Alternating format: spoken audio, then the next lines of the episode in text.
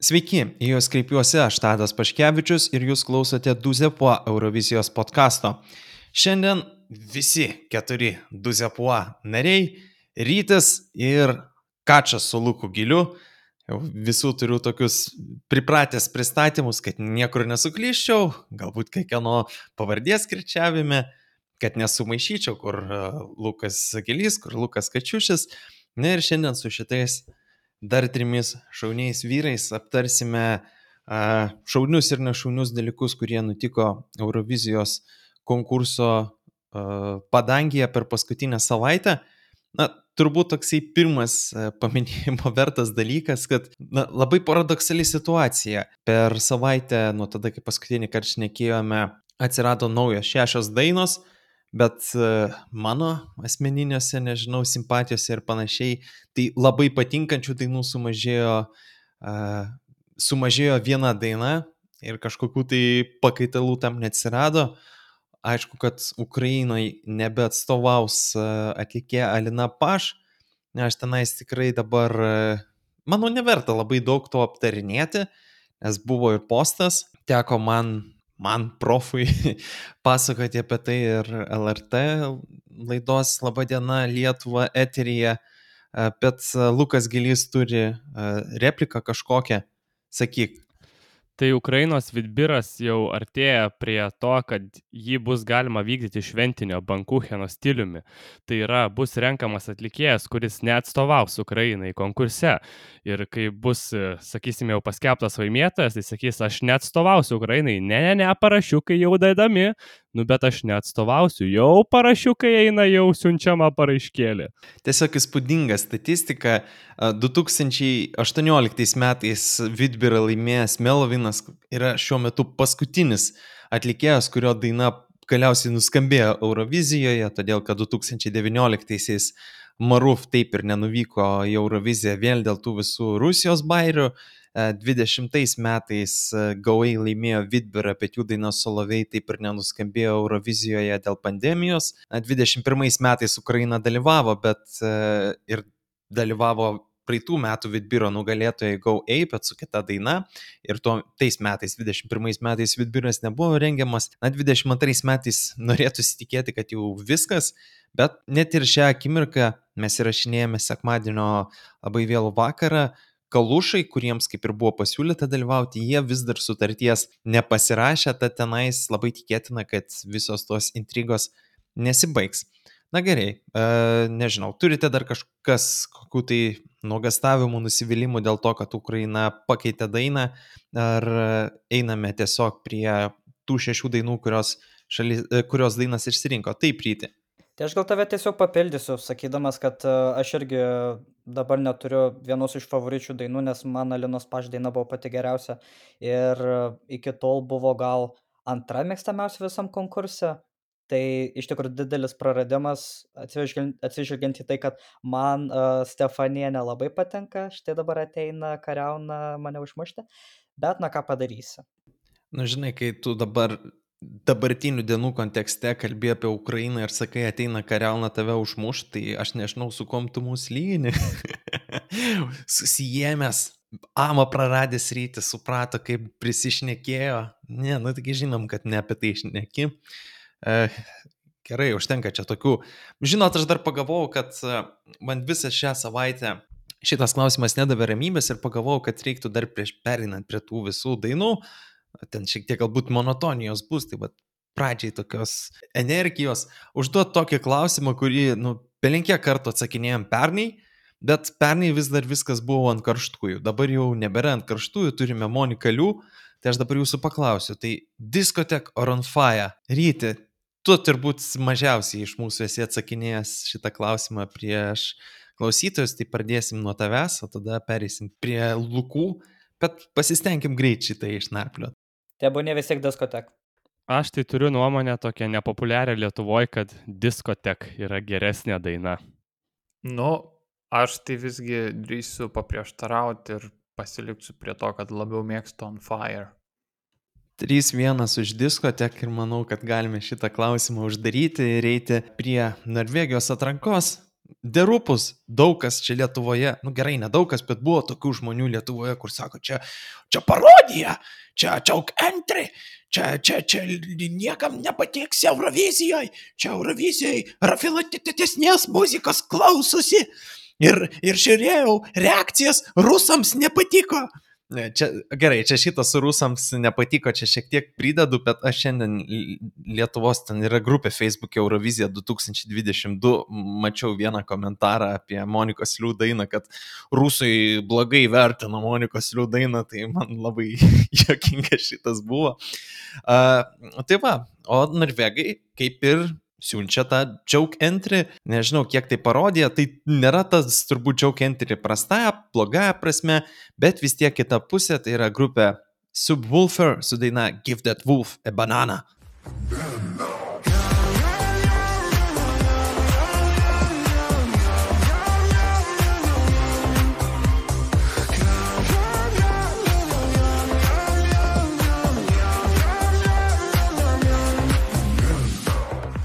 Pirmiausia, paklausiu Luko Gylio.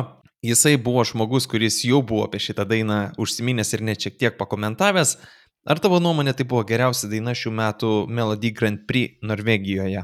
Aš manau, kad šių metų Melody Grand Prix buvo pakankamai blanki atranka. Ir, na, tikrai ne pati ryškiausia Melody Grand Prix, kokia yra buvusi per pastarosius keliarius metus. A, tų dainų buvo visokių, aš nežinau, man atrodo, kad labai daug buvo netgi kelio žvaigždės lygio tame Melody Grand Prix. Nu, tokio, kur jau tikrai jau... Ah, pradeda, burna praveria atlikėjas išgirsti tuos pirmosius žodžius ir, nu, jau tik, kad čia būtų galima išversti ir Andriui Rimiškiui perduoti. Ar kitam kokiam žvaigždūnui. Gerai. Kalbant apie subwulferių dainą, tai aš manau, kad ji buvo geriausia aišku, čia skonio reikalas, ar toks joke entry patinka, ar galima jį siūsti Euroviziją, bet aš manau, kad turint tokią atranką, kurioje nebuvo kažkokio tokio kito hito, kuris, na, tikrai taip kiltų į favoritus, kuris turėtų daug gerbėjų, kuris sužavėtų didžiąją dalį Eurovizijos fanų, turbūt būtų kaip ir kriminalas neišsiųs tokio joke entry, kuris yra konceptualus. Sakykime, turi gerą idėją ir turi puikų išpildymą. Ir kaip ir prie ko prikirpt per daug nėra. Negalėčiau pasakyti, neįsivaizduočiau, kad kažkas iš vis pasakytų apie subwoofer dainą, kad o, jo, čia šitas tai jau netinka Eurovizijai, čia ne pro kur. Nu, nu tinka. Prasme, tai atrodo gražiai, tai yra įdomu ir ar pirmą kartą klausaisi, ar net antrą, ar trečią, tai yra vis dar lygiai taip pat įdomu. Na, po to ten aišku, kaip ir su kiekviena daina viskas individualu, Aš, kaip ir sakau, dar kartą pasikartosiu, kad aš esu patenkinta šitą baigtimi. Kai pamačiau koficientus dar ankstyvesniuose etapuose Melody Grand Prix, mačiau, kad čia yra didžiulė favoritė daina ir šitos baigties ir tikėjaus, nemaniau, kad kažkas labai išaus. Na, žinome, kad su Norvegijos tuo balsavimu ten būna visko, matėme ir šitame finale, kad kai liko dvi dainos, tai, na, tas toks skirtumas buvo netoks jau ir didelis, koks galėtum įsivaizduoti tą paskutiniojo balsavimo. Tai, na, visko būna ten, susimoko, sakykime, vienos dainos negerbėjai ir išrenka tą antrąją favoritę. Bet aš jau užtvirtinu savo nuomonę, kad aš esu patenkintas šitą Norvegijos paraišką, nors tai ir nėra apskritai mano jokių būdų favoritė iš visų šalių, kurios jau turi išrinkusios dainas. Jo, tu čia labai gerą dalyką užkabinai, čia ne pirmas kartas, kai Norvegijoje vyksta tie tos dvikovos ir yra tada finalinė dvikova. Na dieve mano, aš suprantu, kad kur nors X Factoriuje ar kelyje iš žvaigždės, kur vienintelis tikslas yra padaryti labai didelę dramą ir kad žiūrovams būtų įdomu, būtų įtampa ir nesvarbu, kas ten laimės, kad, nu, tu tada gali naudoti tokią sistemą, uh, kur paleidi tenais į Titanų dvikovą du geriausius ir didžioji dalis balsuoja tiesiog prieš kažkuria dainą ir e, tai bando eliminuoti favoritą ar dar kažką. Bet Eurovizijoje šiuo atveju, nu, tavo tikslas atrankoje yra išrinkti geriausią dainą ir yra tas tikslas šiek tiek didesnis negu vien turėti gerą, įdomų šou, kažkokią įtampą ir dar kažkas. Tai man regis, kad čia norvegai, nu, okay, antrą vietą užėmė North Kid su daina Someone.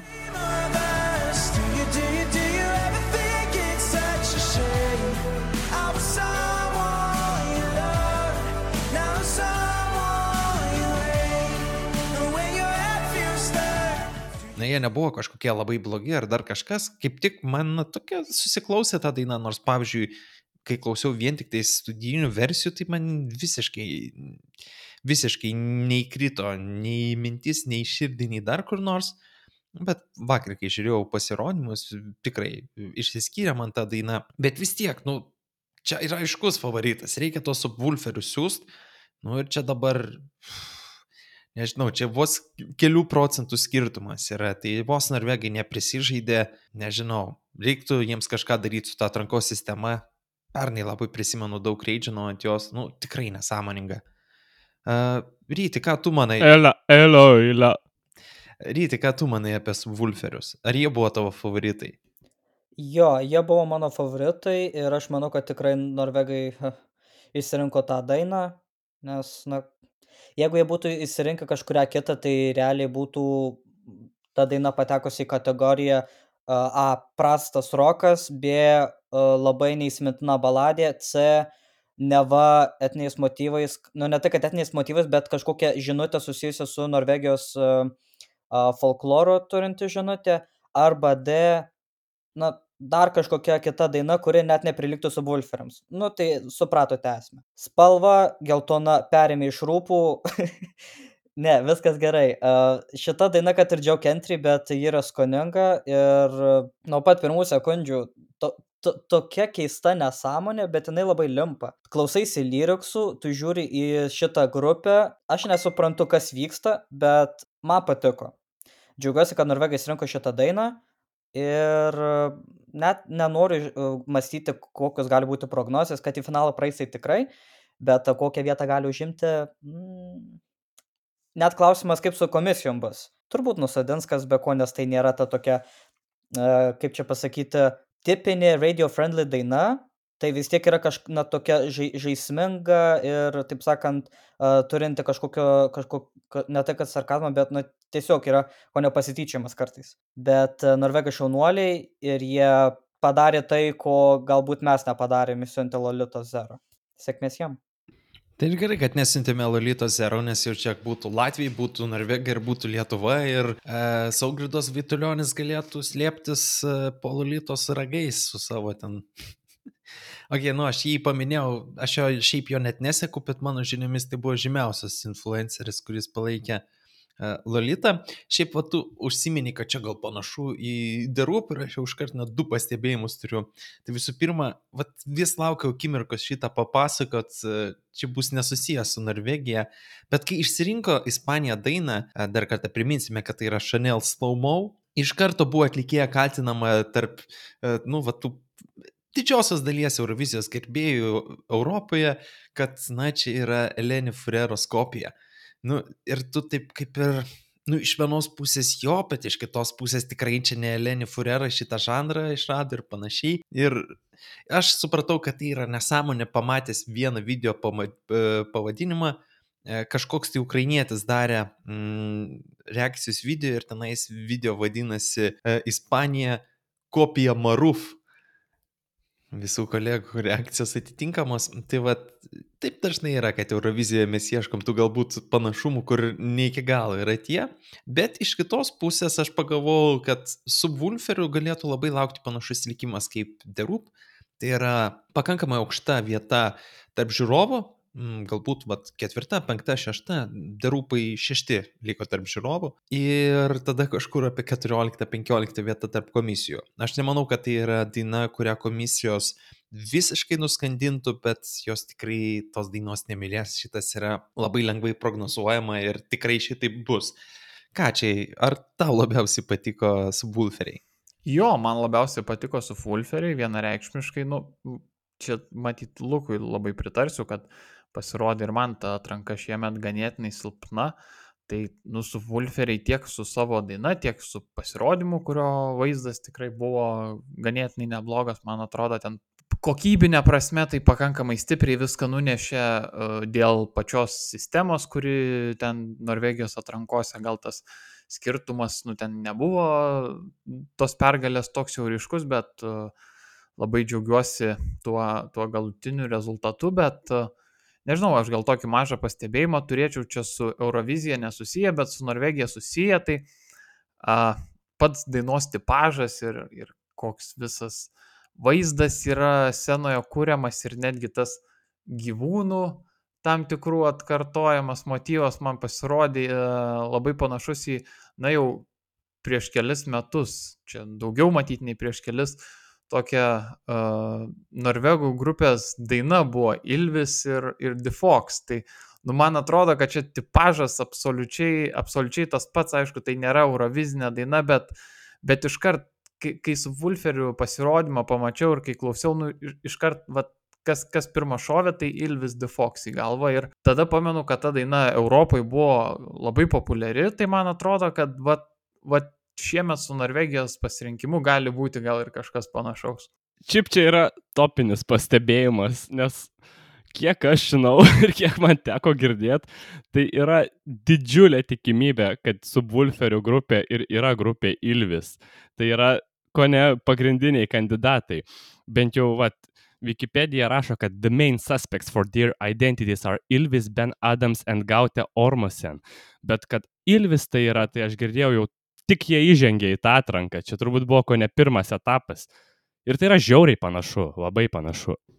Čia tik tai skačas taip gali tokį šauti, kur atrodo, mano sekantis buvo klausimas, kaip manote, ar būtų labai didelis bairis Ne, ne, galbūt jau aš taip paklausęs. Vis tiek turbūt labai daug kas už subwulferius balsavo, nes galvojo, kad tai yra Ilvis. Kaip manot, ar būtų labai didelis nusivylimas, Norvegija, jei Norvegija sužinotų, kad tai nėra Ilvis. Bet Kačias... Uh, uh, pripažįsta, pripažįsta Kačias. Bet, nu, okei, okay, iš kitos pusės, nu, čia irgi reikia. Mes tai nežinoma, ne? Kad čia yra šita sąsaja. Kačias pats ją pamatė. Gerai, bet tada vis tiek užduosiu šitą klausimą, kadangi vis tiek turbūt didžioji dalis norvegų balsavo manydami, kad tai yra Ilvis. Ar bus labai didelis nusivylimas, tiksliau, ar būtų labai didelis nusivylimas, jeigu išaiškėtų, kad tai vis dėlto vis dėl nėra Ilvis? Lukai. Ha, Sakyčiau, kad taip. Vis dėlto mes Euroviziją. Eurovizijoje pastaruoju metu aš sakyčiau vis dažniau tikimės, kad kažkas iš mums žinomų atlikėjų eis. Nebūtinai ten kažkokių top žvaigždžių pasaulinių, bet jau žiūrėdami tas atrankas sekam, o šitą atlikėją esam girdėję, o ten Darudė atsirado Suomijoje, ten dar kažkas, uh, Burakija Ter. Ir uh, tas Ilvis yra prie tos pačios operos. Tai yra, na, sakysim, iš dėl kažkokių praeitie buvusių garsių dainų žinomi atlikėjai. Ir tai, na, vis vien pakelia ir tą bendrą Eurovizijos prestižą. O dabar, jeigu paaiškėtų, kad ten šiaip kokie nors e, Trondheimo, Trondheimo bernai, tai čia aluzija į Šeduvos bernus pagarba jiems, tai sakyčiau, kad galėtų būti taip, kad daugelis gerbėjų, o, kodėl, kodėl mus apgavo bet na, vis dėlto daina yra daina ir jeigu ji nuskambės gerai, tai niekas jos pernelyg nenuvertins. Ok, aš tada tai pabandysiu apibendrinti šitą diskusiją. Man regis tai, kad mes taip vienareikšmiškai ir lengvai sutarėm dėl to, kad subwulferiai turėjo vykti į Euroviziją. Esu pasakius, aš net iš pradžių tos dainos nemėgau, bet pažiūrėjau pasirodymą ir pakeičiau savo nuomonę. Iš pradžių LCB buvau palaikytojas, ji buvo ta iš ankstinė favoritė. dabar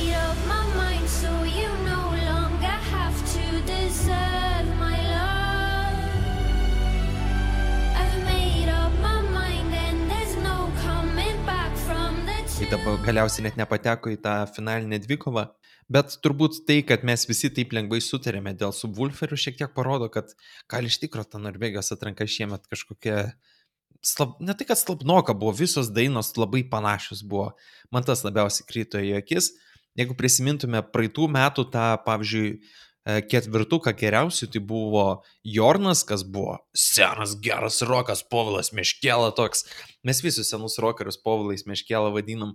E, čia šiaip toks papildomas pastebėjimas. Tada buvo Blazė Mafian, kurie turėjo tą labai linksmą tokią melodiją šokių muzikos su tais visais instrumentais ir panašiai. Nu tai buvo ryšku, ar ne? Tada turėjom Tiksą, kuris galiausiai laimėjo nu, visas tas kyčias, visa ta žinutė, daina ir panašiai. Ir tada turėjom Keino, kurie, nu, Keino apskritai turbūt yra atskiras žanras ir, nu, vien už tai jiems pagarba, nors ir nesu didelis šitos grupės gerbėjas. Ir šiemet, nu, nežinau, tas ketvertukas, tai tokios labai panašus buvo dainos ir va tik subwooferiai, apskritai finalas buvo man labai panašus, man taip pasirodė. Ir subwooferiai buvo tokie vieninteliai, kurie bent kažkuo išsiskyrė iš tos pilkosios masės. Lukai. Apskritai, finale tu teisus visiškai sakydamas, kad tų baladžių buvo labai panašių ir, ir LCB, ir Sofija Fielwang, bet uh, aš sakyčiau, dar toks atskiras žanras yra šiaurietiška ta muzika, ta tokia su skandinavų ten dievybių motyvais ir taip toliau. Ir nors mes čia šiek tiek veidmainiškai skambėtume, jeigu aš sakyčiau, kad man tai čia atsibodo, čia nereikia tų etinių motyvų, mes sakom, kad jų reikia. Bet viskas, ką girdėjau šiemet, kas turėjo to etniškumo, yra blogiau už Rasmussen Higher Ground. Ir kai yra blogiau už Rasmussen Higher Ground, tai aš nelabai noriu, kad tai keliautų Euroviziją. O šiaip jo, ir pastebėjau, kad tokių labai jokingų dainų buvo. Taip pat, pavyzdžiui, daina Wonder of the World, kurią atliko Kristianas Ingebrigtsenas.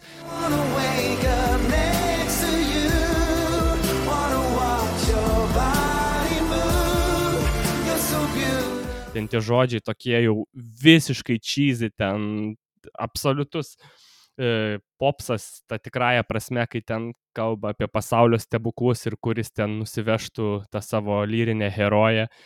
Ir šiaip apskritai dar pastebėjau, kad e, Black Flowers tai ta buvo daina tokia, kur man, čia pasakysiu, kad tą dainą atliko Frodė Vasel. Keep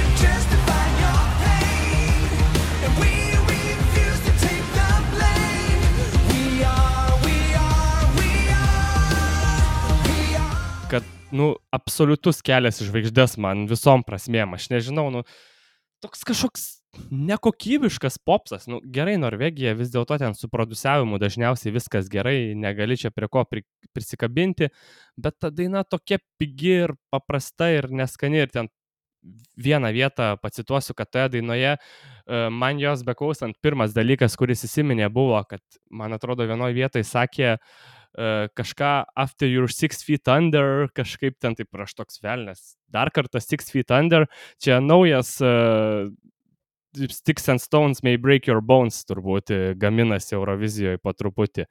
Tai velnės. Gal reikia perėti prie kitų metaforų šiek tiek. Bet šiaip visiškai antrinu Tadui. Yra dainų, tokių, kurios net neįsiminė, kurios buvo labai vienodos. Man gal, va dar vieną tokį savo kontroversišką favoritą paminėsiu, tai Analiza Kumodži ir daina Queen Bees.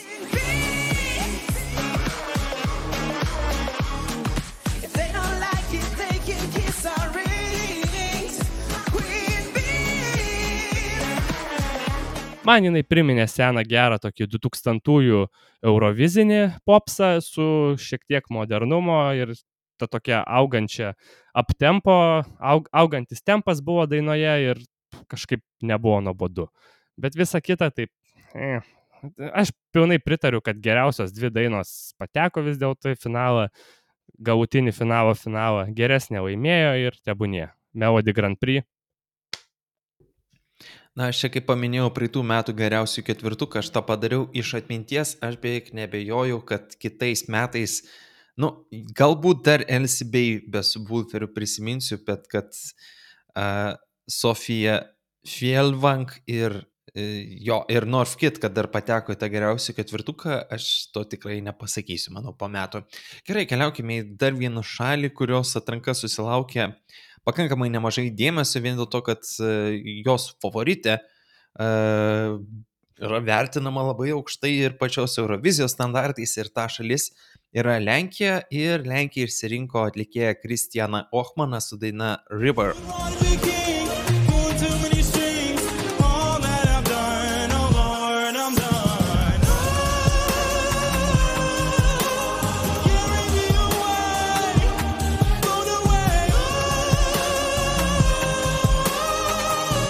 Gerai, tai aš norėčiau pradėti nuo to, kad nepaisant to, kaip buvo Lenkijos atranka išaipinta, vakar mes turėjome šešis e, nacionalinės atrankos finalus, nu ir galbūt ten atmetus San Mariną, pagal visą produkciją, nu tai Lenkijos atranka buvo tikrai siaubingiausia. Ta prasme, aš atsimenu, kad tas pats ten būdavo prieš kokius trejus, ketverius, penkerius metus, kai jie tik tais tas atrankas organizuodavo. Tas pats ir dabar toks jausmas, kad jie pačią mažiausią TV Polonijos e, studiją pasiema ten kažką ten pachimičina, nu dieve mano, kaip viskas prastai atrodė. Čia TV Polonijos nu, studija, kuri Vilniui dabar atsidariusi turbūt. Nu kažkas tokio, ta prasme, turbūt jau geriau reikėjo kaip San Marinas 2018 metais Slovakijoje renkti atranką, jeigu, jeigu, jeigu jie neturi studijos normalios. Nu kažkaip tai nežinau, man, man labai šitas nesižiūrėjo ir kai žinom visą tą kontekstą, kad čia le, va, vos ne favorito lauksim ir panašiai, ir visas toks balbieriškas kažkoks tai ant scenos, nežinau. Manau, kad e, pritarsit man dėl, dėl to bendro vaizdo Lenkijos atrankos, bet tada pakalbėkime apie nugalėtoją, apie Kristianą Ochmaną. Pradėkime nuo to, kaip manote, ar jis buvo vertas laimėti atranką. E, Ryti. Man asmeniškai tai jo daina labiausiai patiko, tai manau, kad e, tikrai buvo vertas. Tik aš nežinau ar visas tas šaršalas lažybų punktuose ir šiaip žiniasklaidoj kad jis yra vertas laimėti kad jo daina yra žiauriai žiauriai gera. Ar visas šitas šaršalas tikrai yra na kaip čia pasakyti ne iš niekur? Gal kiek pervertintas jis yra bet daina tikrai visai gera gal kiek sena 22 metam nežinau bet man pačiam tai primena, na, tai tartum uh, River būtų miksas kelių dainų kaip uh, Tour l'Univers, Arcade ir dar gal kažkurios vienos kitos. Tik problema ta, kad kiek teko žiūrėti pasirodymą Ochmano, tai jis biškiai neišdainavo ir dar, taip sakant, netidavė savęs viso, tiesiog stovėjo kaip stulpas, žodžiu, jisai, jisai demonstravo Jurijų Veklenko scenui tik kad buvo bent kažkiek šone daugiau. Tai ten ir ir tas būgnininkas kur smėlis ten taškėsi buvo man atrodo ir violončelistė ir ten smuikininkas nu nežinau. Tai uh, ochmanai susitvarkyk pasveik tu gali aš tikiu kad pasirodysi gerai pusfinalyje dainą turi gerą balsą tikrai turi ir manau kad kažkiek patvarkius tikrai galime tikėtis įspūdingo pasirodymo pusfinaly ir finale. Manau, tikrai Lenkija praeis vienareikšmiškai finalą. Vis dėlto, ko galime tikėtis finale, kokios ten vietos nežinau, bet kad tai gali tikrai būti vienas iš geriausių Lenkijos rezultatų pastaraisiais metais, tai nu tikrai. Nes kas buvo paskutinį kartą to, iš aukštesnių, tai lygtis aštunta vieta Michal Špako, ne, šešioliktais. O toliau tai nieko gero ten arba vos patenka į finalą, arba net nepatenka. Tai čia tikrai nebus tas atvejis kaip su Rafalu pernai. Žodžiu, praradom vieną mymą, tai šiemet bent jau gerą dainą kokybišką turim. Tai sėkmės Lenkijai, varom toliau. Ką čia? Nu, nežinau. Uh, tiesą pasakius, aš nelabai ką įspūdingo matau. Gal čia mano skonis kažkaip visiškai nekoreliuoja su tuo, ką, ką Lenkai šiemet išsirinko, na bet ta Kristiano Ochmano daina, na, nežinau, be galo tokia nuobodi man iki, iki skausmo ir, nežinau, paklausiau aš ją, visiškai tokia neįsimintina, tų į atmintį įsirėžiančių motyvų kaip ir nėra. Na, galima sakyti, kad, na, skambesys ten, matyt, pati dainos kompozicija galbūt yra, na, viskas su jais gerai, bet tiesą pasakius, aš tai labiau užmigti, matyt, norėčiau tokią dainą, negu kad jinai man kažkokias tai stipres emocijas labai sukeltų. Nu, man atrodo, kad ta trečia vieta, kurie dabar berot stovi Lenkija, bookmaker prognozėse, nu, gerokai per aukštai. Ir gal, gal ta mano nuomonė per, per laiką pasikeis, bet aš kol kas Lenkijos taip aukštai nestatyčiau. Na, tikėtina, aišku, kad jeigu ją jau taip aukštai čia prognozuoja, tai turbūt Lenkija jau į finalą pateks, kas šiai šaliai yra neblogas rezultatas, žinant, kaip jie ten sekdavosi pastaraisiais metais. Bet aš tai netikėčiau labai didelę šitos dainos sėkme finale. Nu, aš tai nežinau, kaip čia yra su, tais, su tomis lažybomis, kažkaip pastaraisiais porą metų turėjome nemažai tų kažkokių manipulacijos lažybomis, lažybų koficijantais atveju. Pernai turėjome Maltą, kas na, buvo pareikšti kaltinimai, kad transliuotojas pir, statė už Maltą, kad ji būtų pakelta lažybų reitinguose ir dėl to būtų daugiau apie ją šnekama. Šių metų pradžioje irgi mes matėme ten Latvija, Lietuva, Portugalija buvo pašokusios į pirmą vietą ir tuo metu atrodė gal ir Lenkija tas pats, bet nu visos to šalis kaip ir nukrito žemyn, viskas stabilizavosi, Lenkija vis dar čia. Aš pamenu, kai jį tik pakilom, nu man iš karto kilo klausimas, ką čia veikia Lenkija, šalis, kuri paskutinį kartą finale buvo 2017. Ir, nu, pasidomėjau, va čia paklausiau Darijos dainos, man Darijos daina patiko, bet visi sako, čia ne dėl jos, čia visi laukia Ochmano dainos. Kas tas Ochmanas, nu, ten išaiškėjo, kad ir Lenkijos balso nugalėtas, ar ne? Bet tos dainos dar nebuvo. Tada kažkas tai jau redite nulygintą versiją pasidalino, aš jos paklausiau, galvoju, nu, gal ir nieko, bet skamba kaip iš kibiro. Tai galvoju, čia bus kokia demo versija. Po to išleido tikrą ta, tos dainos versiją, nu, pasirodo, jin iš tikro skamba kaip iš kibiro. Nu, man taip skamba. Tai va, aš buvau nusivylęs, tada pamačiau tarsi klipą ir šiek tiek pakėlė man tą dainą, bet vis tiek aš taip jaučiu, kad šita daina Nu, aš vadaviau vakar mūsų čia mm, tokį pavyzdį, kad šita daina tokia labiau 2016 metų Eurovizija kvepia, tada kalbėtume, kad tai galėtų būti kažkokie favoritai ir panašiai. O dabar šit, šit, šiais metais šita daina skamba panašiai kaip 2015 skambėjo Elena Marija Kirijakų iš Graikijos su One Less Breath.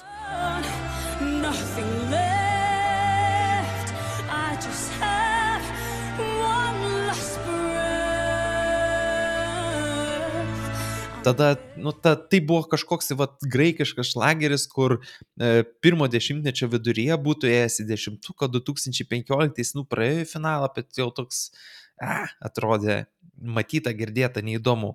Tai man šiek tiek yra tas su, su Ochmanu, bet tokie, ne, jisai ten balso nugalėtos ir panašiai, tai aš turėjau kažkokių e, lūkesčių jo pasirodymui, aišku, čia po to rašoma, kad jisai sirgo ir panašiai, bet suori, ta prasme, jisai gyvo pasirodymo metu atrodė tiesiog kaip lavonas. Aš nesu matęs, ta prasme, čia turbūt Blonch 2017 m. Belgijos e, atstovė galėtų jį pamokinti e, buvimo scenoje, e, bendravimo su kamera ir panašiai. Jis į grindys žiūri, ta prasme, aš pagalvojau, kad galbūt jisai aklas, čia su visa pagarba akliems žmonėms, nes, nu, antiek nesiorientuot, ta prasme, žvilgsnio neturėt, nu, nežinau. Nu ir nenuostabu, kad tada jie sugebėjo su juo pakovoti, nors gal tada irgi perėsiu prie to, bet Darijos pasirodymas, gerai, jos daina paranoja šiaip yra gera, man patiko,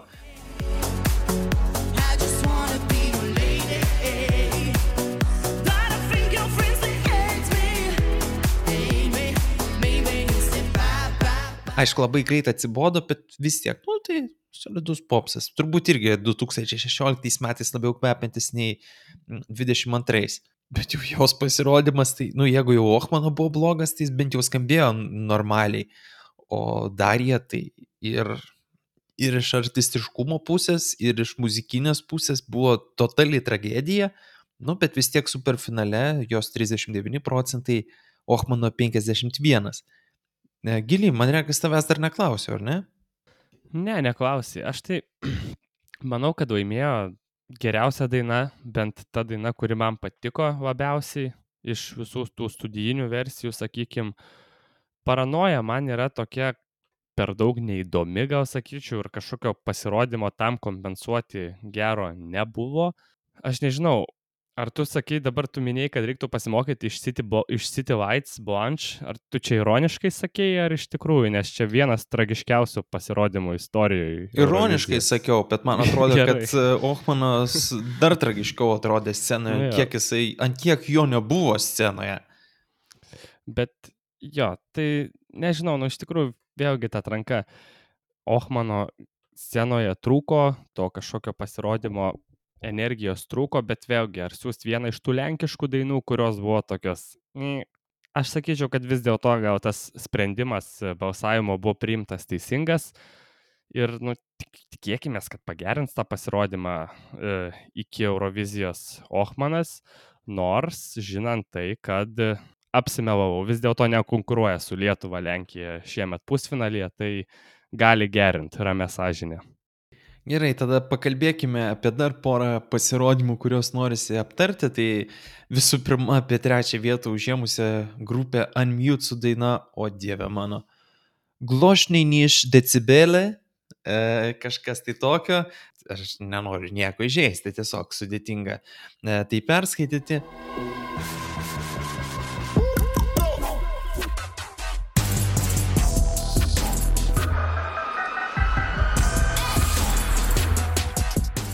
Kaip jūs vertinat tai, kad toj dainoje nebuvo nei vieno žodžio dainuojamo ir visi žodžiai buvo gestų kalba? Uh, Lukai Gilį, manau, kad tu čia turėsi kontroversiškiausią, prieštaringiausią nuomonę, tai tavęs pirmo ir paklausiu. Aš tai sakyčiau, kad tai buvo labai įdomu. Tai yra viena priežastis, dėl ko tos keistos atrankos kartais yra įdomesnės už, tarkim, Melody festivalį. Ten viskas taip dažniausiai, ten konceptualumas yra, kai tu padainuoji ispaniškai. E, Lenkijoje visai kitko galima tikėtis iš tų dainų, kurios dažniausiai vis dėlto nelaimi. Taip, aš iš pradžių galvojau, ar tai iš tikrųjų galima, nes kaip ir mes čia esam tie ambasadoriai, kurie vis kalbėdavo, kad ir atrašinėdavo komentarams, kad čia va Eurovizijoje privalomi žodžiai dainuose. Ir čia aš galiu iškart pasakyti, kad mes su ryčiu jau aptarėm prieš tai, kad čia yra didžiulė nepagarba mūsų mėgstamiausiai Moldovos atlikėjai. Uh, Miss Kitty, kaip ten, aš pamiršau, Miss Kitty Love, Miss... Missy Cat Love. Intro. Missy Cat Love. Missy Cat Our Love. favorite. Missy Cat Love, tai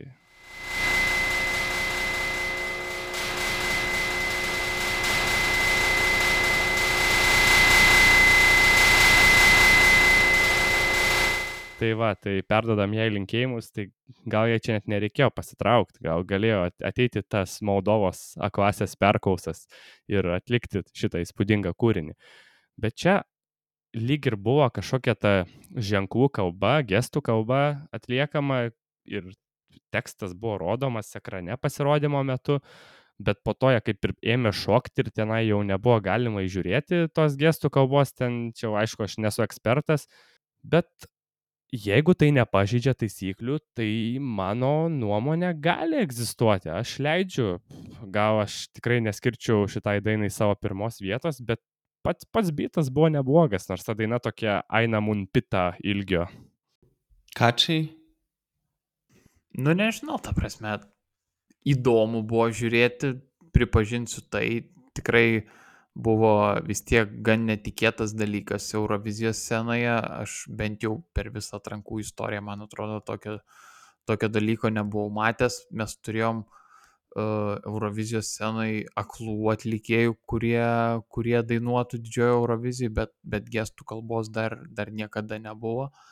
Tai, na, daina net ne daina, skambesys, matyt, melodija, pati iš savęs, na, ten niekuo nebuvo man labai išsiskirianti, na, bet jeigu tai suranda savo auditoriją ir jeigu tai kažkam patinka, tai aš manau, kad viskas su tuo yra gerai.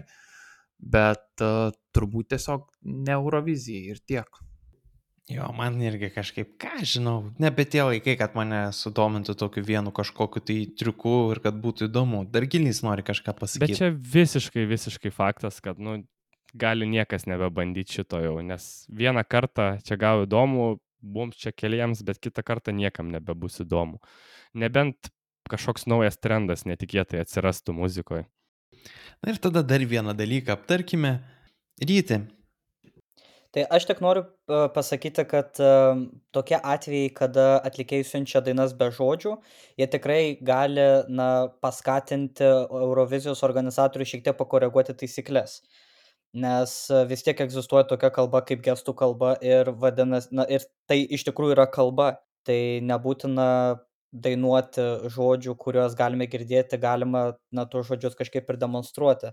Tai man atrodo, kad e, šita Lenkijos trečios vietos e, daina tikrai galėjo būti pavyzdys, kaip, kaip net ir didžiausias pasaulio muzikos renginys gali šiek tiek pakoreguoti taisyklės arba pristaikyti prie jų.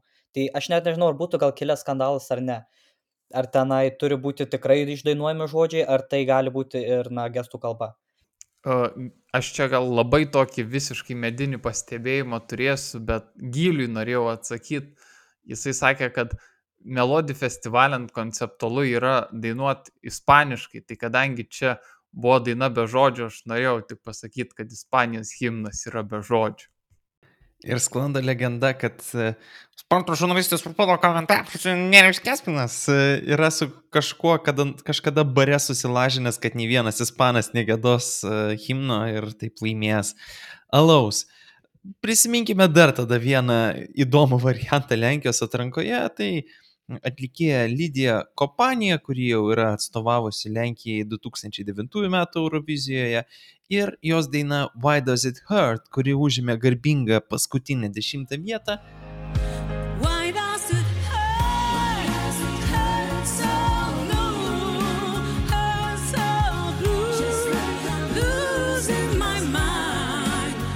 Ir jos pasirodymas, kuriame atlikėja tarsi atrodė, nu nežinau, kaip iš karsto prikelta, jos veidas rodė, kad ji nenori čia būti, ji tarsi nežinojo žodžių, e, kaitolėjo to žodžius, po to tarsi redite skaičiau, kad čia buvo kažkoks jos protestas, nes čia atranka yra rengiama su jau aišku laimėtoju, tipo Ochmanu, kas po to išaiškėjo, kad buvo totalus briedas, nes pavyzdžiui Darija laimėjo komisijų balsavimą, tai turbūt jeigu jau yra kažkokias tai sukčiavimas, kažkoks tai schemas, tai viskas turėtų prasidėti nuo komisijos balsavimo. Bet kokiu atveju, kaip jūs vertinat šitą Lydijos kompanijos pasirodymą? Uh, ryti. Ne, nu tiesiog aš esu, aš buvau apšalęs. Kodėl? Ti- Tiesiog aš žiūrėjau, klausiausi ir man labai daug klausimų kilo, kodėl Lydija taip pasielgė, nes ji tiesiog stovėjo, kažką ten tiesiog bumbėjo, padainavo ir aš jau vienu metu tiesiog jau juokiausi, užsidengęs akis. Ir va dabar aš prisiminiau tokį r- random momentą iš 11 metų Eurovizijos, kai buvo ten gal finalo generalinė repeticija ir neva laimėjo Ukraina ir Anke Engelke stovėjo ir tam bandė dainuoti uh, Mikos Newton Angels.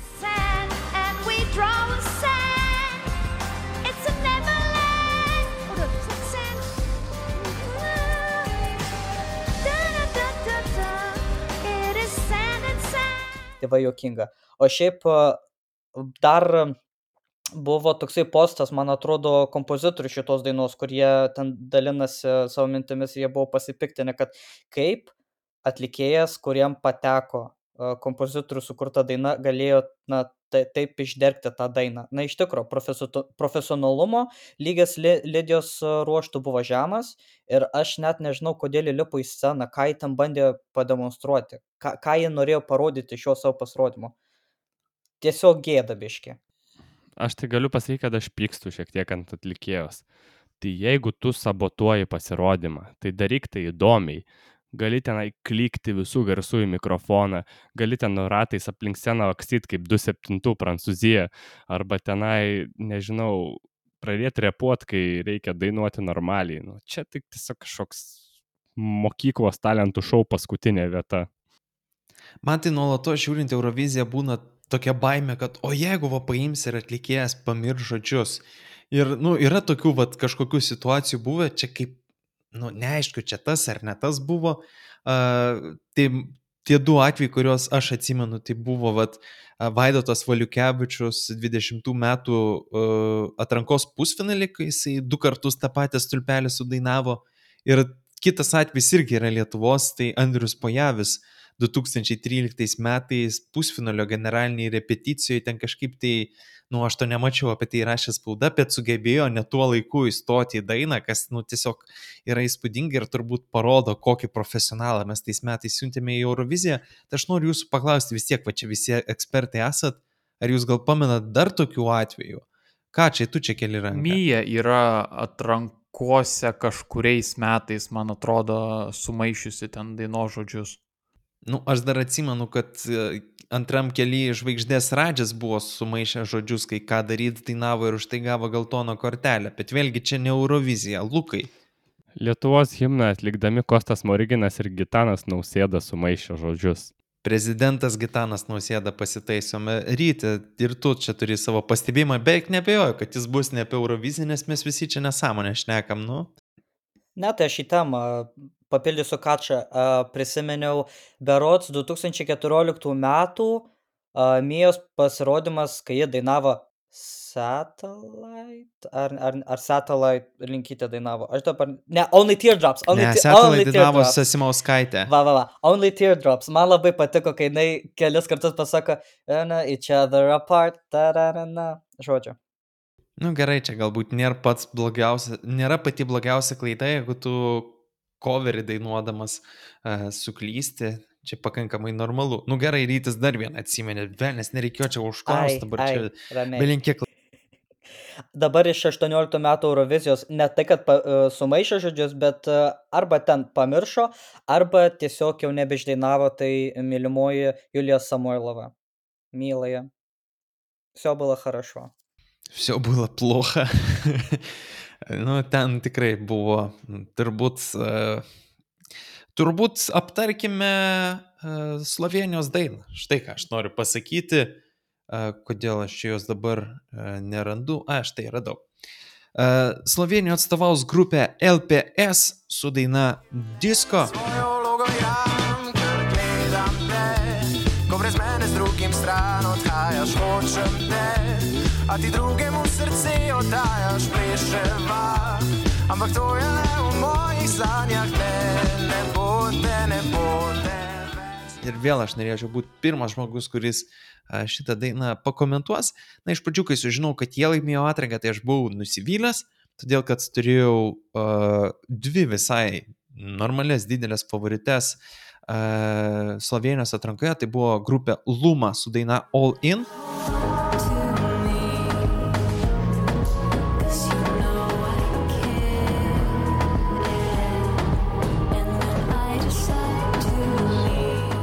Kas iš esmės buvo uh, tokia kaip ir kopija 2019 metų Slovenijos atstovų, kurie dainavo Sebi, tik tais, kad viskas buvo anglų kalba, bet man vis tiek tai patiko.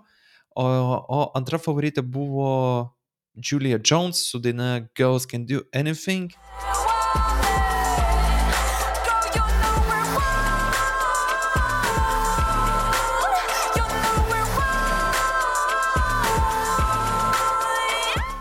Ir, na, tai buvo tiesiog energingas toksai, vat, man atrodo, jis būtų susižiūrėjęs tas pasirodymas, bet e, slovenams ryškiai tai visiškai nepaliko jokio įspūdžio, bet dainos anglų kalba, kaip be būtų keista, man ar ne dažniausiai patinka dainos e, tautinėmis kalbomis, o čia vat pilna atranka sloveniškų dainų, mano dvi favoritas buvo sloveniškos dainos, tai jos užėmė ketvirtą ir penktą vietas. Na, nu, aš tai disko, aš iš pradžių klausydamas buvau šiek tiek nusivylęs, nes man irgi vokalistas gal ne taip blogai kaip Pochmanas atrodė scenoje, bet e, vis tiek man trūko iš jo charizmos. Bet po to kelis kartus paklausęs galėčiau pasakyti, kad, nu, tai vis dėlto bus daina, kurios aš paklausysiu. O ką jūs manote apie Slovenijos dainą? Ryt, e, ryti, ką čia norėjau paklausti ir net jis kelia ranką. Ką čia išnekiek? Nu, nežinau, žinokit, čia gal ir kontroversiškai nuskambėsiu ar ką, bet man tai žiauriai patiko ir aš sakyčiau, kad iš visų vakar šešių berots ten naujų atsiradusių dainų, tai man Slovenija patinka labiausiai. Nu nežinau, ta daina gal ten jau iš savęs taip jau nėra kažkas labai ypatingo, nu bet tas klasiškas toks, sakyčiau, netgi šiek tiek toks jugoslaviško disko skambesys, nu yra, yra kažkas fantastiško ir verčia mane ir linksėti į taktą ir judėti ir, ir nuotaiką pakelia ir nežinau, aš taip žiūrėdamas patį pasirodymą, nu jis tikrai labai, nors vokalistui gal charizmas ir kaip tu tą daiminėjai trūksta, bet na, vien tas pats vaizdas, kuris yra sukurtas ant scenos, nu jis toks be galo primenantis tuos legendinius disko laikus ir aš taip turbūt, kadangi paminėjau, kad tai yra toks jugoslaviškas disko, tai noriu įsivaizduoti, kaip ta daina yra atliekama kokiais 76 metais kokiam Zagrebo ar Sarajevo prabangiam restorane ir ten žmonės taip iš širdies linksminasi ir uh, krūtina klubus, uh, negalėdami atsižavėti, kokia tai puikia daina, tai man emocijos kyla lygiai tokios pačios ir, ir aš dabar bent jau šiandien esu visą širdim už Sloveniją ir labai džiaugiuosi jų pasirinkimu. Ryte, ar tu norėtum sugrįžti į 80-ųjų metų Sarajevą? Jo, visai norėčiau ir kad ir pirmą kartą atsirasti Balkanuose, tai A, Gal aš netu, nesu toks entuziastingas kaip Kačias, bet a, tiesą pasakus, man irgi patiko LPS disko daina ir dar kai tik paskelbė a, Emos paraiškas, a, žiūrėjau ten vieną recapą, ten trumpas ištraukėlės ir galvojau, čia Slovenija nu, kažkaip ne- nelabai kas gero ir pys gal prieš paskutinė daina buvo tam videkė LPS disko ir opa užkabino. Iškart pajutau, kad va čia šita daina, tik pamačiau, nu, dėl 80-ųjų skambesys, tas retro vaibas, kažkas tokio, nu, kaip ir jau uh, gal nebešauksiu man to paties grėblio kaip pernai metais, kai buvo daug to- tokio vaibo, bet vis tiek, na, tiek to. Uh, bus ir šiemet kelios dainos, uh, nenumirsim nuo to. Bet uh, gera daina, man patinka. Svarbiausia tai, kad neša kažkokį gerą vaibą, kad žiūri į tą grupę ir tiesiog, na, ne tai, kad jau labai labai gera jų klausytis arba žiūrėti jūs, bet tiesiog malonu. E, Sako, neturi charizmos tas atlikėjas. Man tai kažkaip ir yra tas žavesys, tai tai ir yra žavu, kad jis toksai kaip ir gal nedrįstantis, taip, taip sakant, jis taip žiūri, tarsi kažkoks tai vaikinas, nedrįstantis prieiti prie merginos ir atrodo, kad dainuoja jai.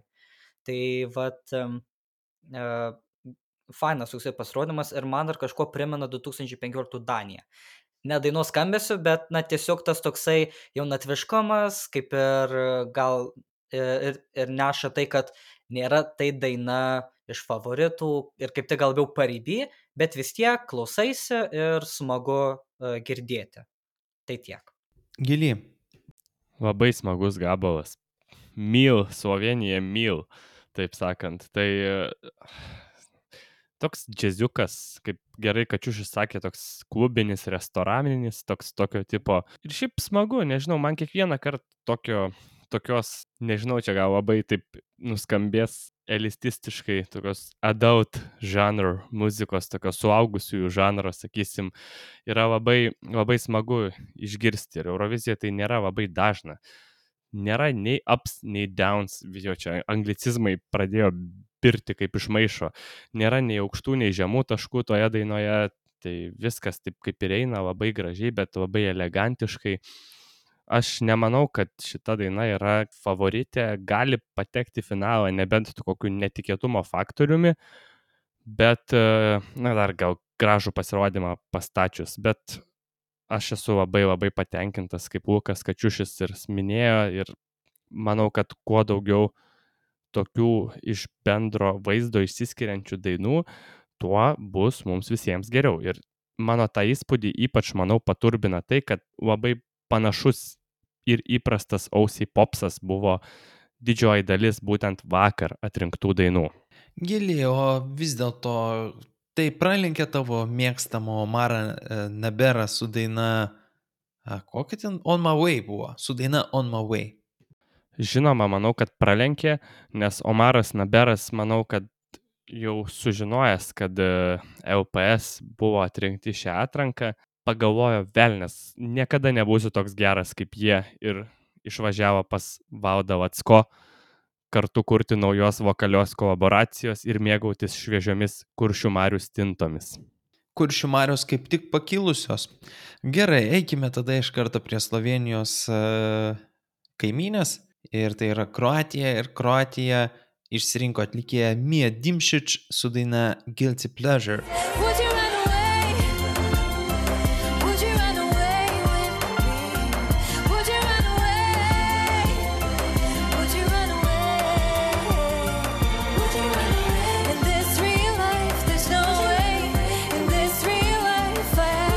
Gerai, šį kartą vėl pabūsiu aš pirmas, pažadu, kad tai bus paskutinis kartas, kai aš būsiu pirmas, bet man šita daina visai susiklauso, pati atlikėja pakankamai charizmatiška, bet tuo pačiu aš pagalvojau, tik paklausę šitos dainos, kad tai bus ta Kroatijos, jau, jau čia tokia archetipinė Kroatijos daina, kur tarsi ir visiems patinka, tarsi ji ir gera, bet į finalą nepatenka. Ir tas buvo su Frankos Crazy 2018 ir tas buvo su uh, Albina 2021.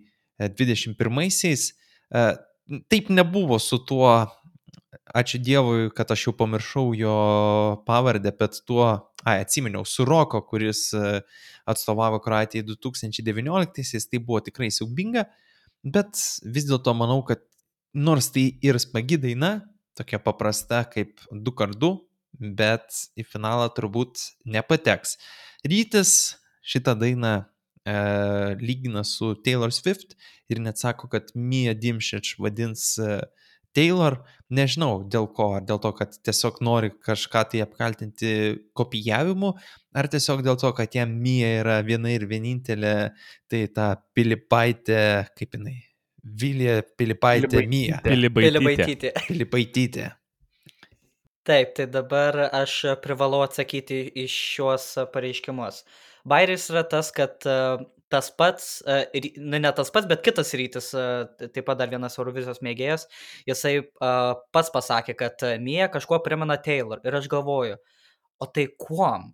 Ir tada išgirdau dainą ir klausau, klausau, klausau. Ir kas yra Taylor fanas ar mėgėjas, tai jie, man atrodo, irgi išgirs Guilty Pleasure takelėje uh, kažkokį fragmentą iš Taylor Swift dainos Willow, tas gitarų skambesys ir panašiai. Tai dėl šito ir užkabino, be- bet, bet ir šiaip yra tas toksai, uh, gal, gal ta tokia Taylor uh, dainos tipažo struktūra Mijos dainoje. Na, žodžiu, čia jau, jau ima maišytas. Bet e, nepaisant to, Guilty Pleasure tikrai nėra labai labai jau stipri daina. Man jinai tokia prasiklauso, taip sakant, tu jos klausai tuo metu, graži, graži, bet taip sakant ir pračiurliuoja ir, ir nueina ir pamiršti tu ją. Bet uh, Mijos balsas yra gražus, uh, nežinau, kas ten ant scenos darėsi, bet na tiek to. Tikrai reikia patvarkyti pasirodymą, kad būtų čik-čik uh, turinė, bet manau, kad tai vis tiek yra ta daina, kuri užims kokią 13-14 vietą pusfinalį ir tiesiog nepraeis. Nes net jeigu šita daina yra maloni ausiai, vis tiek mažai žmonių nuspręs balsuoti už tokią dainą, nes atsiras geresnių. O taip tai sėkmės mie. Ką, čia tu irgi esi visai Lietuvai apsiskelbęs Taylor Swift e, gerbėjas, tai ar tu feeling 22 about e, šitą dainą? Nu, I'm already 23. Tai uh, nežinau, na, jo, aš paklausęs Taylor Swift gal visai nemažai. Galima, aišku, ten atrasti tų sąsajų, man atrodo, iš, iš paties skambės ir dainos kompozicijos, nu, bet silpnas tas Kroatijos pasirinkimas, aš galiu tiek pasakyti, labai neįdomi ta daina, nėra ten visiškai kažko ypatingo, taip, nu, sumesta tokia lyriška baladė, skamba gražiai, nieko ten gal per daug neprikiši, bet aukštinti irgi nėra ten jos iš ko, tai spėčiau, kad nepateks į finalą paprasčiausiai toks, matyt, eilinis toks pastarųjų metų kroatiškas pasirinkimas, kuris nelabai kažkur toli nuves, nors pernai man patiko, pernai man patiko Albina. Kategoriškas kaip Ramūnas Zilnys, Lukas Kečiušis, Lukai Gilė, o tu ar esi kategoriškas dėl šios dainos? Pakankamai. Man tai kol kas yra nuobodžiausia, kas buvo atrinkta šiais metais. Visiškai jokio įspūdžio nesusidariau kol kas klausydama šios dainos ir aš manau, kad aš jos nekomentuosiu iki pirmųjų repeticijų. Tiesiog manau, kad e, taip ir užsimiršta daina, kai ją pamatysime jau ant turino scenos, tada bus galima pradėti daryti kažkokias išvadas. Aš prognozuoju jai nepatekimą į finalą, bet Eurovizija kartais būna netikėta. Man atrodo, kad čia yra grinai tas pusfinalinis popsas ir kažkaip aš taip grinai šiandien klaus, nusprendžiau taip padaryti tokį ratuką visų vakar dienos atrinktų dainų ir Kroatijos dainos klausydamas aš jau maščiau kokią kitą leisti. Taip kažkaip ir vakarietiška, ir tuo pačiu neįdomu, bet ir, ir priedainios toks man labai, nežinau, neturėjo to įsimenančio motyvo. Gal, gal, gal kažkas dar kaip ryčiui Taylor Swift patinka, gal man Mija kada patiks, bet neduodu tam didelių šansų. Gerai, kažkaip tai, kai užsišnekėjom apie Norvegiją ir Lenkiją, gavau, kad čia vėl išeis labai ilgas podkastas, bet kol kas su tomis kitomis šalimis greitai sukomės, dar turime dvi aptarti. Na ir pradėkime nuo Maltos, o San Mariną pasiliksime e, desertui. E, Malta išsirinko atlikėją Emma Muscat su daina Out of Sight.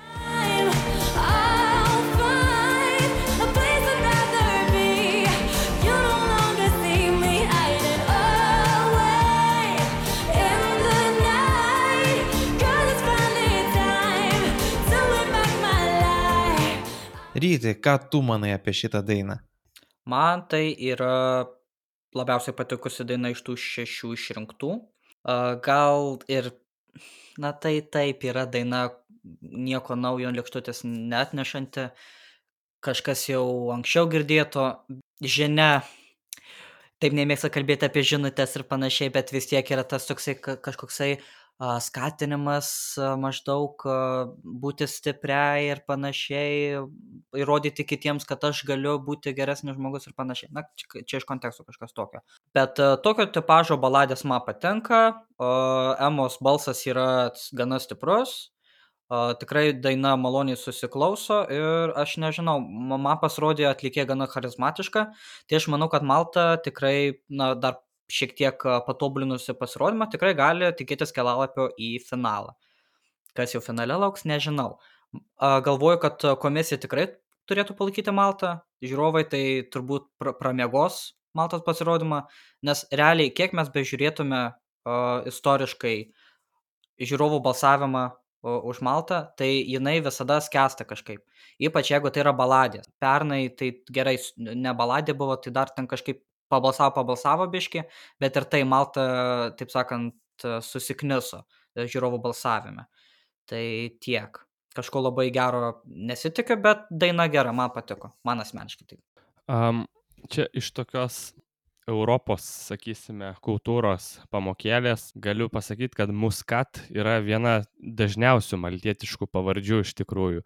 Tai man ta daina yra kone taip pat labai maltietiška. Malta, žinome, mėgsta Euroviziją siūsti būtent popsą ir na, negaliu sakyti, kad solo atlikėjas vis dėlto ir tų grupių yra buvę e, iš Maltos išsiųsta, nors ir netiek daug. Kaip Rytis gerai labai sakė, kad tą popsą, kurį kiek vertina komisija, o jos likimas jau labiau priklauso nuo žiūrovų. Aš vėlgi esu iš prie skeptikų labiau, man šitą maltą, šitą maltą, šitą maltos daina nelabai patiko ir labiau primena tokį sugrįžimą į realybę po tų dviejų metų, kai Malta į priekį vedė Destiny ir hypas aplink ją buvo statomas nežmoniškas, nors kaip tada šiandien jau podcast'e pabrėžė, gal ne visada jis buvo ir tikras, ir nuoširdus, ir natūralus, bet aš manau, kad dar iš smalsumo pažiūrėjau, paklausęs Maltos dainos, kaip gerai ji stovi šiemet lažybininkų koficientuose ir taip galvojau, tikrai nebus gerai įsijungiu ir žiūriu, žiūriu, ieškau, ieškau ir jei neklystu, yra žemiau Lietuvos. Lietuva šiemet nėra labai aukštai lažybininkų koficientuose. Tai manau, kad labai taikliai. Pavyzdžiui, aš mastau, kad Monikos liū daina ir, tarkim, Emos muskat daina, tai, na, tikrai Monika neša.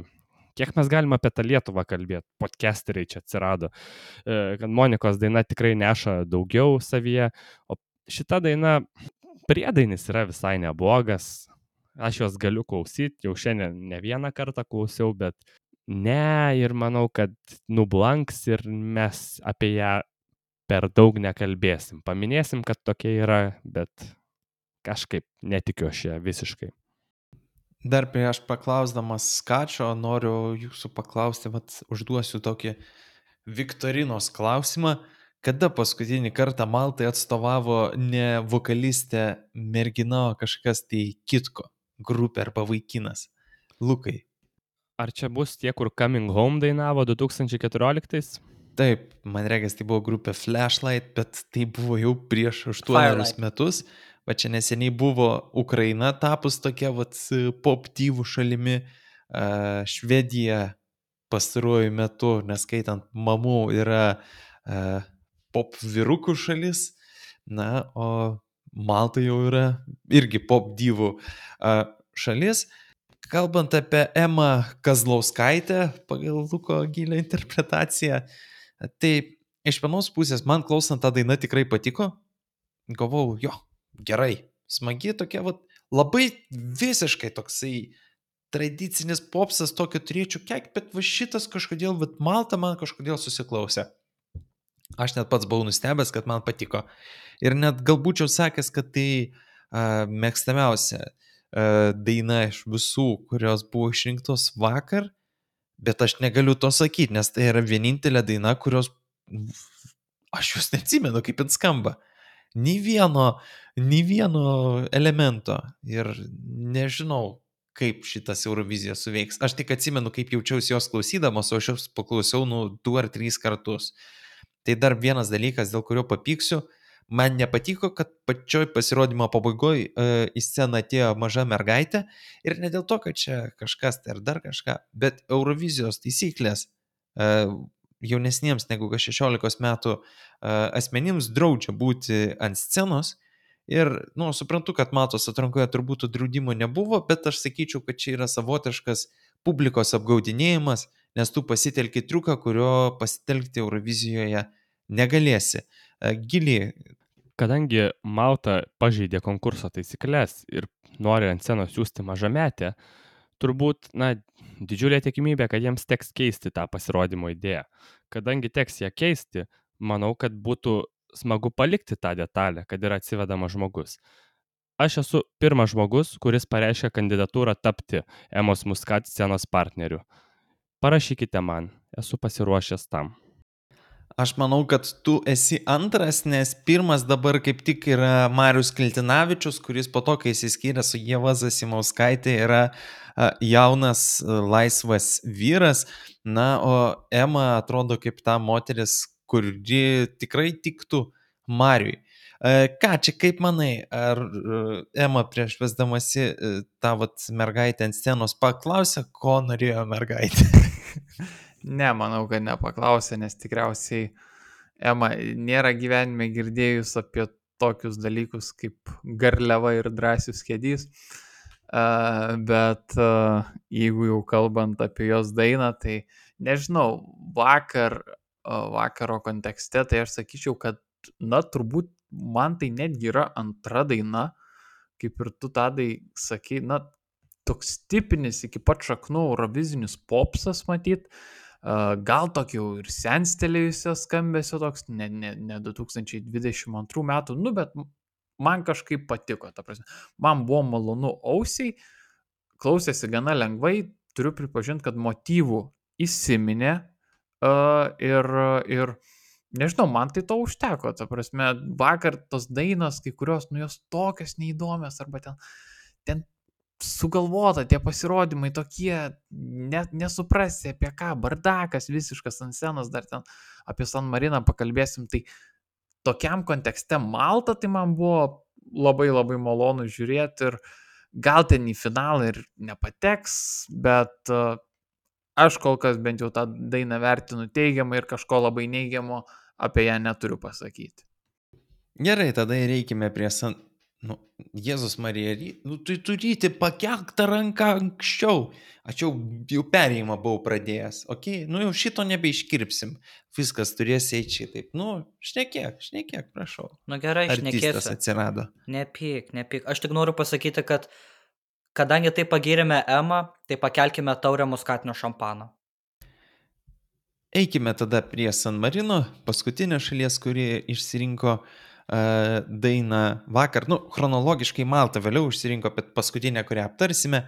Ir San Marinui atstovaus Akilė Lauro, atlikėjas šių metų Sanremo festivalyje užėmęs 14 vietą ir negavęs teisės atstovauti Italijai, bet gavęs teisę atstovauti San Marinui e, Eurovizijoje Italijoje su daina Stripper, kas e, e, lietuviškai reiškia būtent striptyzo šokėjas.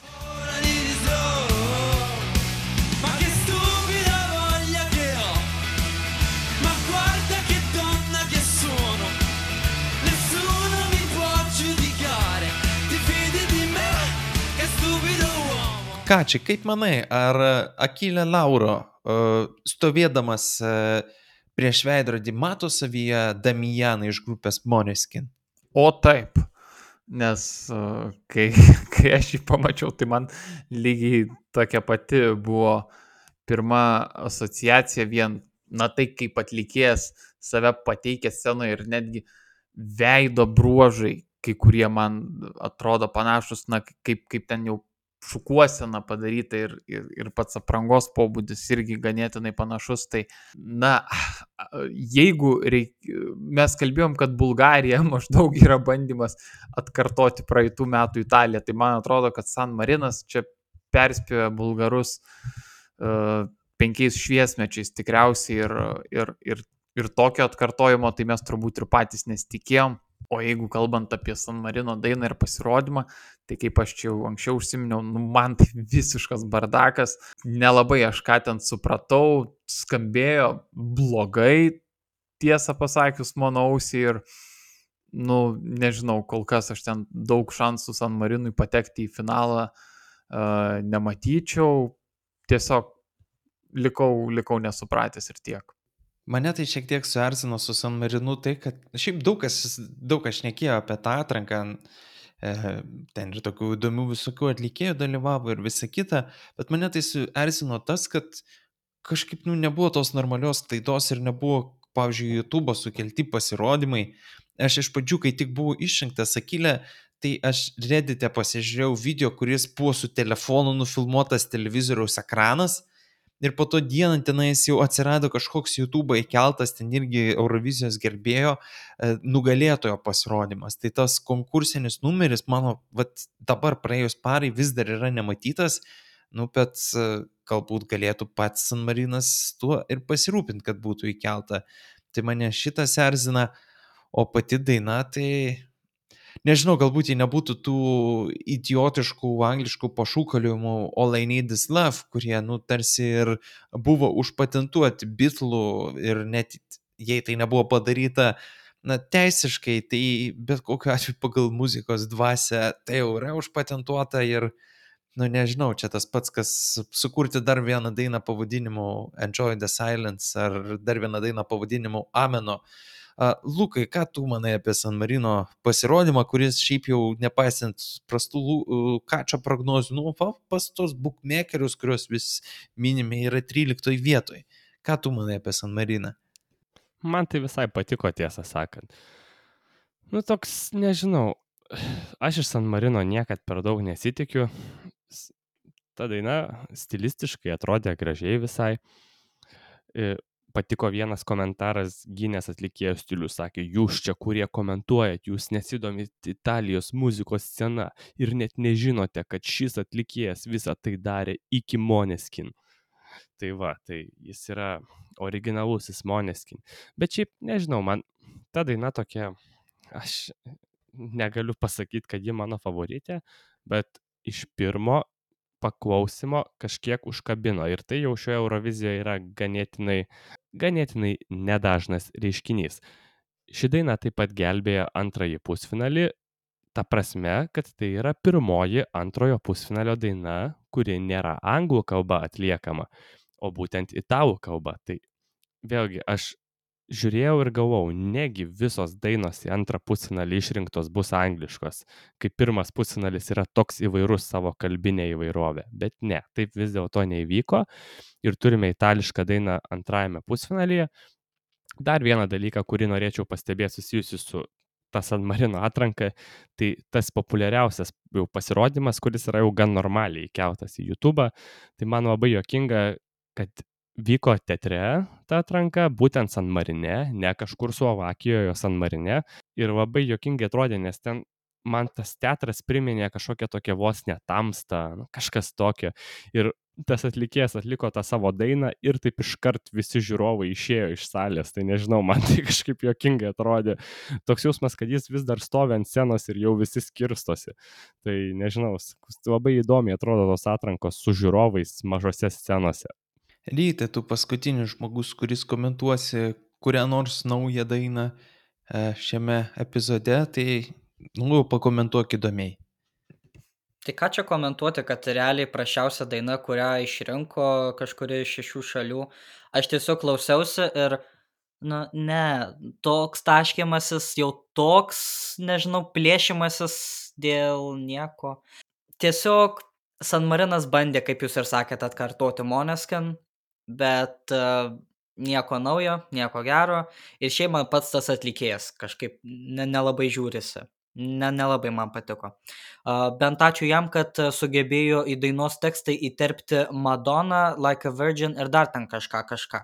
Bandžiau ten išgirsti. Vienu, vienu metu net Britney išgirdau, bet ten kažkoks į kitas žodis. Tai aš pagalvojau vienu metu, negi jis čia, taip sakant, klyjuoja striptizo šokėjo etiketes kažkokioms pop, pop divom pasaulio. Pasirodo, turbūt ne. Bet žodžiu, San Marine. Ačiū, kad a, siunti a, dainą a, ne anglų kalba, kaip jau Lukas sakė, turime vien, bent vieną dainą antrame pusfinalyje ne anglų kalba. Bet ir ačiū tau, kad tu esi pretendentas paskutiniai vietai pusfinalyje. Tikrai nebus finalo, manau. Tai va, e, sėkmės organizuojant dar vieną labai pompastišką atranką kitais metais. Ta prasme, jie pradėjo lapkritį, belė kiek atlikėjų dalyvavo, bet aš iki šiol taip ir ne vienos dainos, ne vieno pasirodymo ir nežiūrėjau. Ar čia tiesiog aš apsileidau, ar man neįdomu buvo, ar gal ir tos, tas pats prieinamumas buvo kažkoksai, na, prastas. Nes jeigu jau Tadas negal, ir mes patys negalėjom rasti laimėtojo pasirodymo vakar vakare arba šiandien normaliai, na tai atsiprašau jau. Tai tiek. Sėkmės San Marinui. Nu, aš negaliu pasakyti, kad aš persistengiau, bet irgi į YouTube vedžiau tą patį buraką į eterą. Nu, norėjau pažiūrėti bent jau kaip skamba tojo daina. Nu, nelaimėjo, tai nelaimėjo, bet vis tiek didžėjus, kurio daina Tuesday buvo tapus didžiuliu, didžiuliu hitu, bet, nu, taip ir nepavyko išgirsti. Tai e, giliai dar tu, dar tu turi kažką pasakyti. Ryti, Tadai, Lukai Kačiuši. Kiek šansų, kad per artimiausius dešimt metų San Marina atstovaus lietuvis? Nu, jeigu Malta tavęs neišrinks šiemet į sceną, tai gal ir visai e, dideli šitie šansai. Pa, pavyzdžiui, Lolita Zero. Manau, kad labiau tikėtina, jog tai bus Donny Montel. Aš tai visai norėjau pasakyti, kad jeigu stebuklingų būdų San Marinas susijama ir jisai laimi konkursą, tai tada Monika Liu varytų į San Marino atranką, nes Monika myli Italiją, nu italų kalbą bla bla. Tai bus Monika Liu for San Marino, važiuojam.